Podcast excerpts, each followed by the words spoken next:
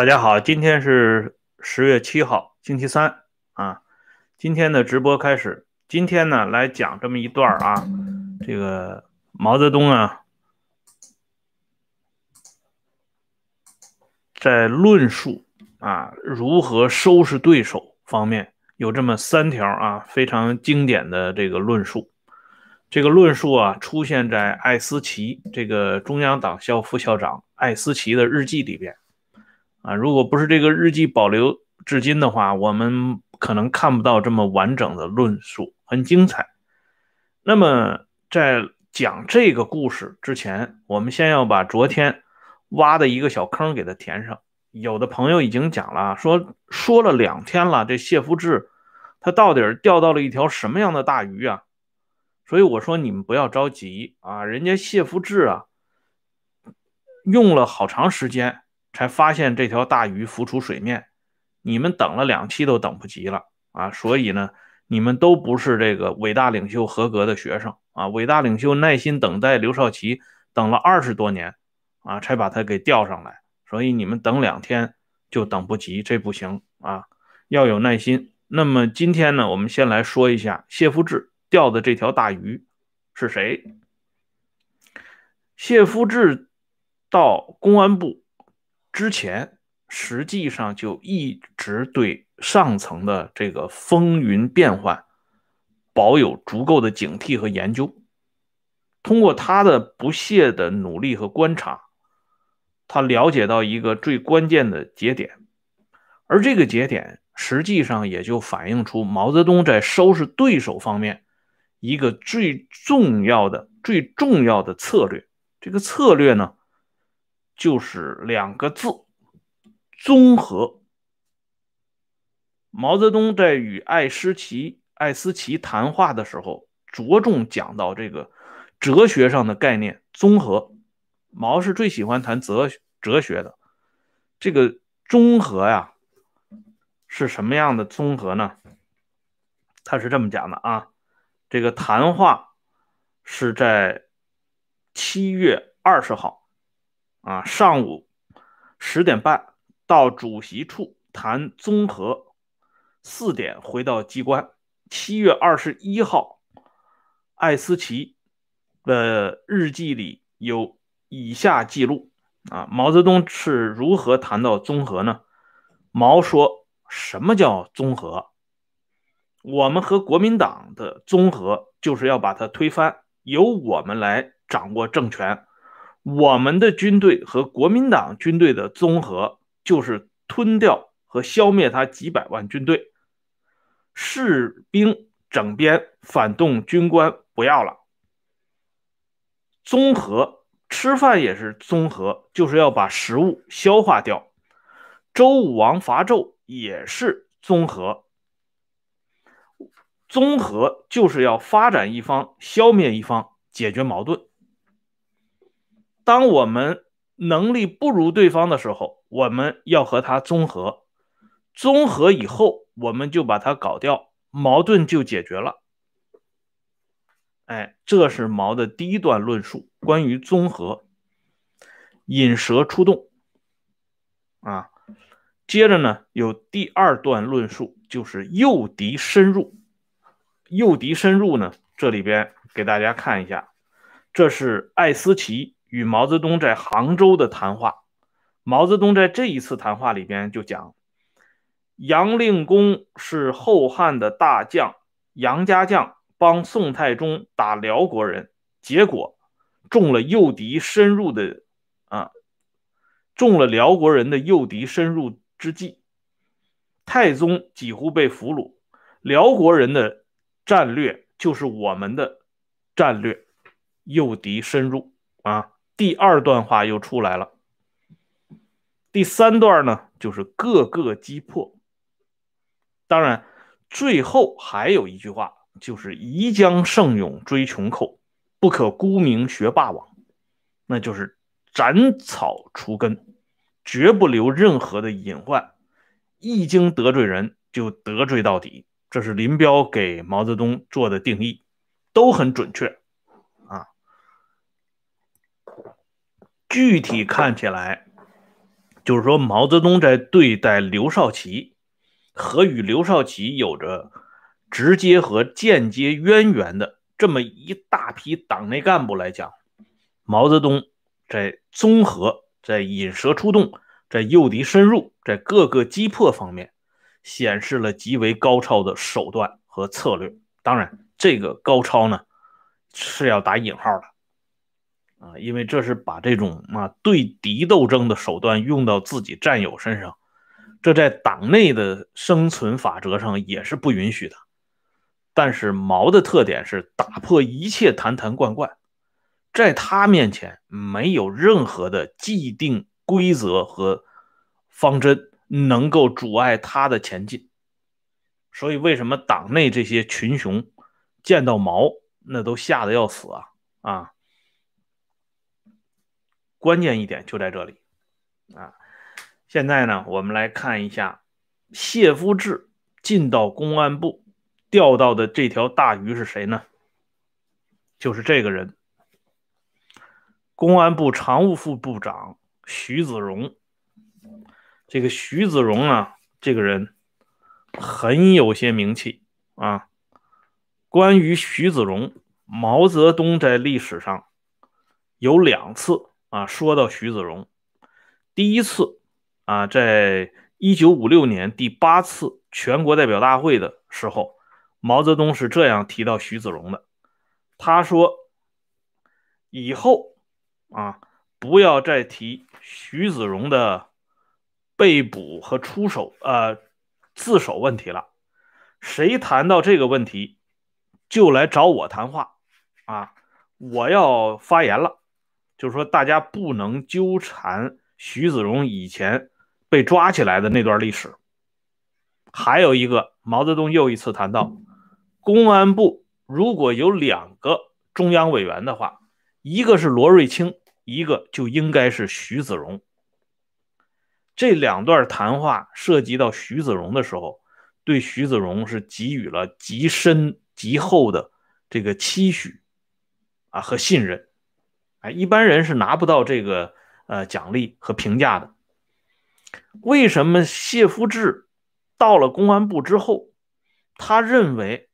他应该钓徐子荣这条大鱼呢，因为徐子荣的历史比较复杂，特别是刚才我提到的他被捕的那段经历。一九三二年在北平被国民党政府的宪兵侦缉队抓捕，因为在著名的草篮子监狱里边，就是北平陆军北平军人反省院啊，俗称。草篮子监狱，在这个草篮子监狱里边有十二个主犯啊，被国民党方面啊立业为主犯的。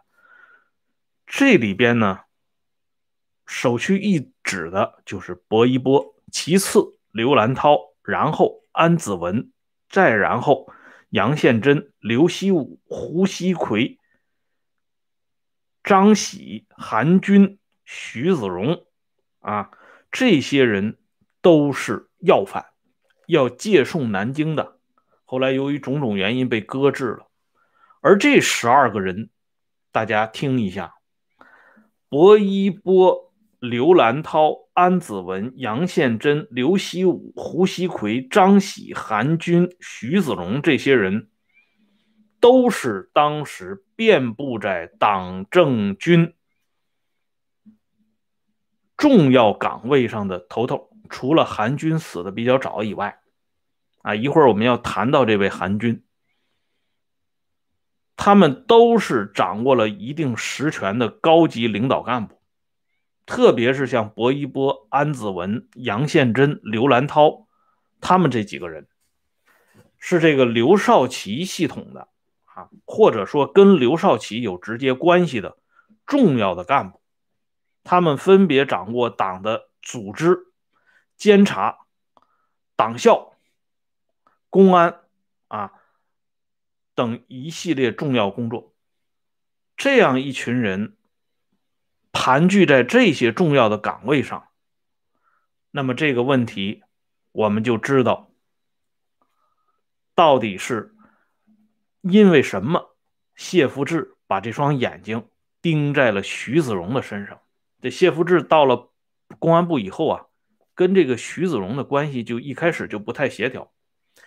谢福志有一个有一个试验啊，他看一下徐子荣是什么样的人，他搞了一个小试验。这小试验很厉害啊，他就是把这个徐子荣给他报送的这些文件啊，谢福志呢不做重点的批示，或者说干脆就不做批示，圈阅之后发给这个徐子荣。这徐子荣一看，这不好执行啊，因为你没有批示啊，仅仅是看过了，这也不行，所以他就等着这个谢福志的下文。啊，就是说部长一定要有新的指示，我们按照你的指示才好办事儿。经历了这两次实验之后，搞过两次以后，谢福志认定徐子荣这个人没有担当，骨头太软，啊，胆子太小，不适合主抓公安的全局工作。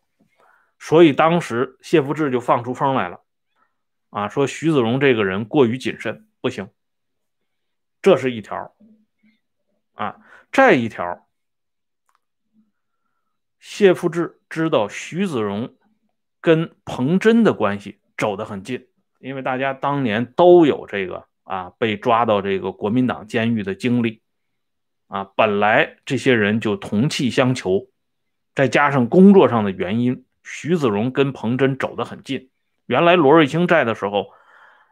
彭真、罗瑞卿、徐子荣、杨其清他们这几个人在政法方面经常在一起开碰头会的，啊，罗瑞卿有什么事儿也经常跟彭真通气儿的。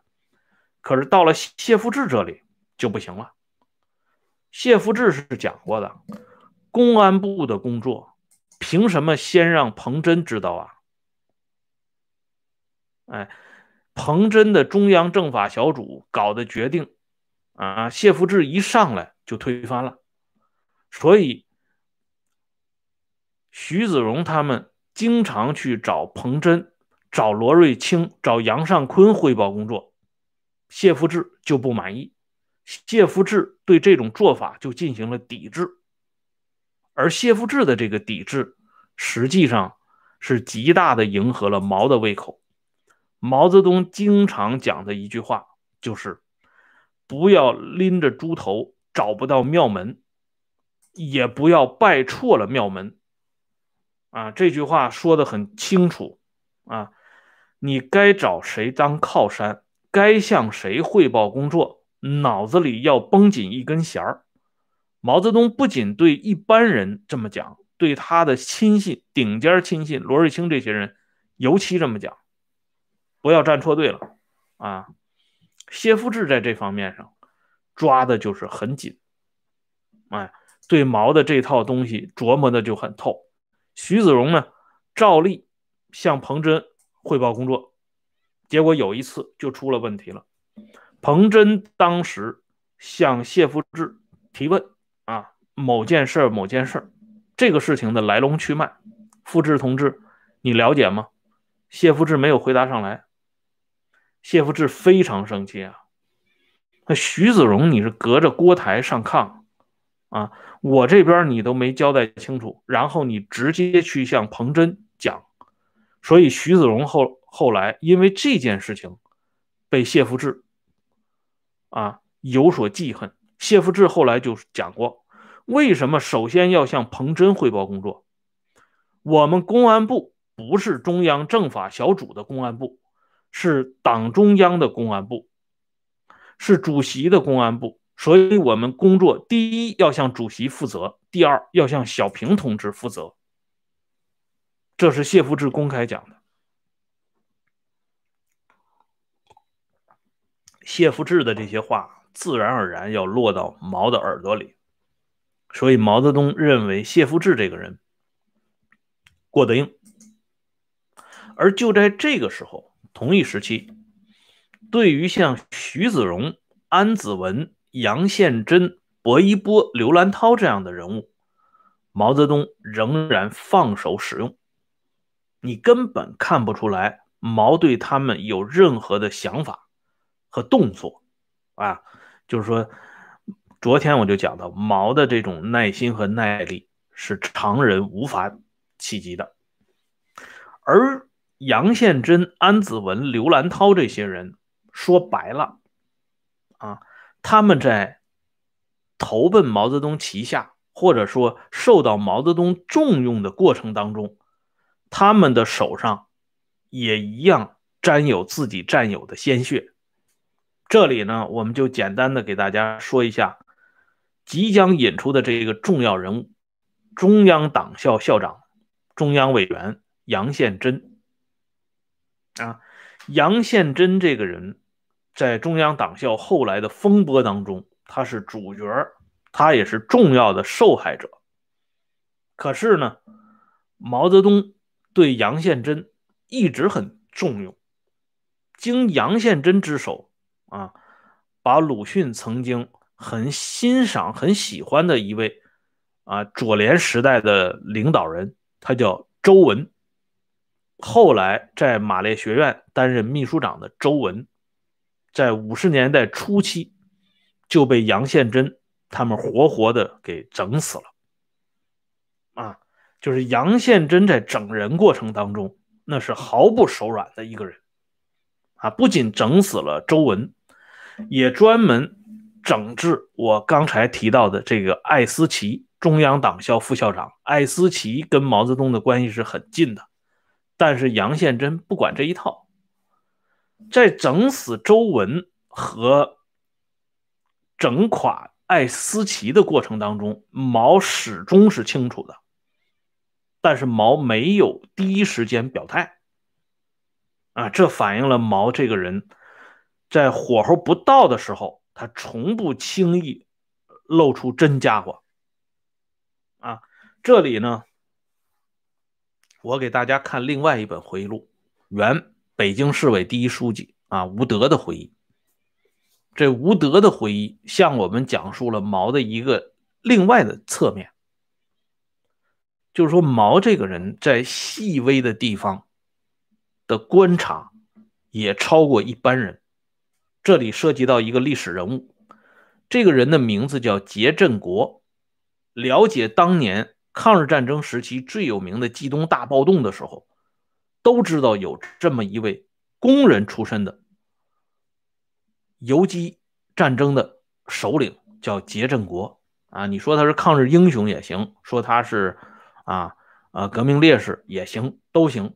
这个传奇人物在文化大革命当中。曾经被搬上银幕啊，拍过一个电影叫《杰振国》。这个人啊很有名。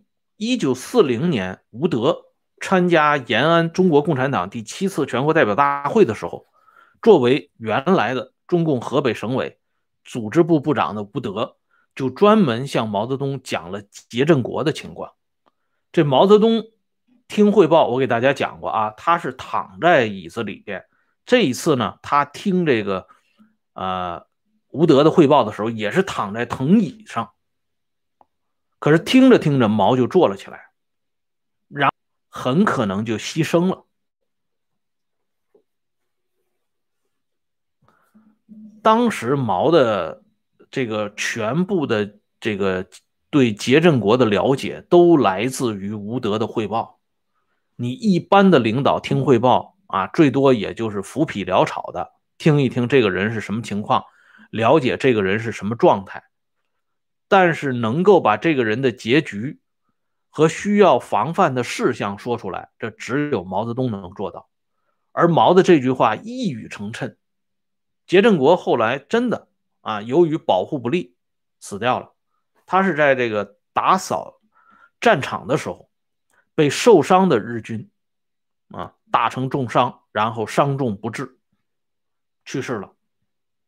所以吴德就在他的回忆录里边专门穿插了这个小小段落，来证实一下这毛泽东对事物的观察、对人物的观察，那是细致入微的。那么像杨宪珍、像徐子荣这样的人物，连谢富治都观察到了。毛泽东能观察不到吗？但是毛泽东这个时候的策略，什么叫引蛇出洞啊？什么叫综合呀？让你们充分的表演，充分的暴露。啊，徐子荣也好，杨宪珍也好，薄一波也好，安子文也好，你们可以继续表演，我也不拦着。啊，你们想说什么就说什么。结果果然，这杨宪珍就上套了。这杨宪珍上套以后，毛泽东启用了另外一个大将。为什么？因为他一定要有另外一个人物来制衡已经熟悉公安工作，并且挑起公安部这个重担的谢富治，不能让谢富治一个人唱独角戏。啊，这是毛一贯的手法。好了。今天的节目呢，咱们就先说到这里。明天继续给大家讲述另外一一场啊波谲云诡的政治斗争。好了，下边呢，我把这个今天啊这个会员链接给再给大家发一下，欢迎大家踊跃加入温相说时政会员频道。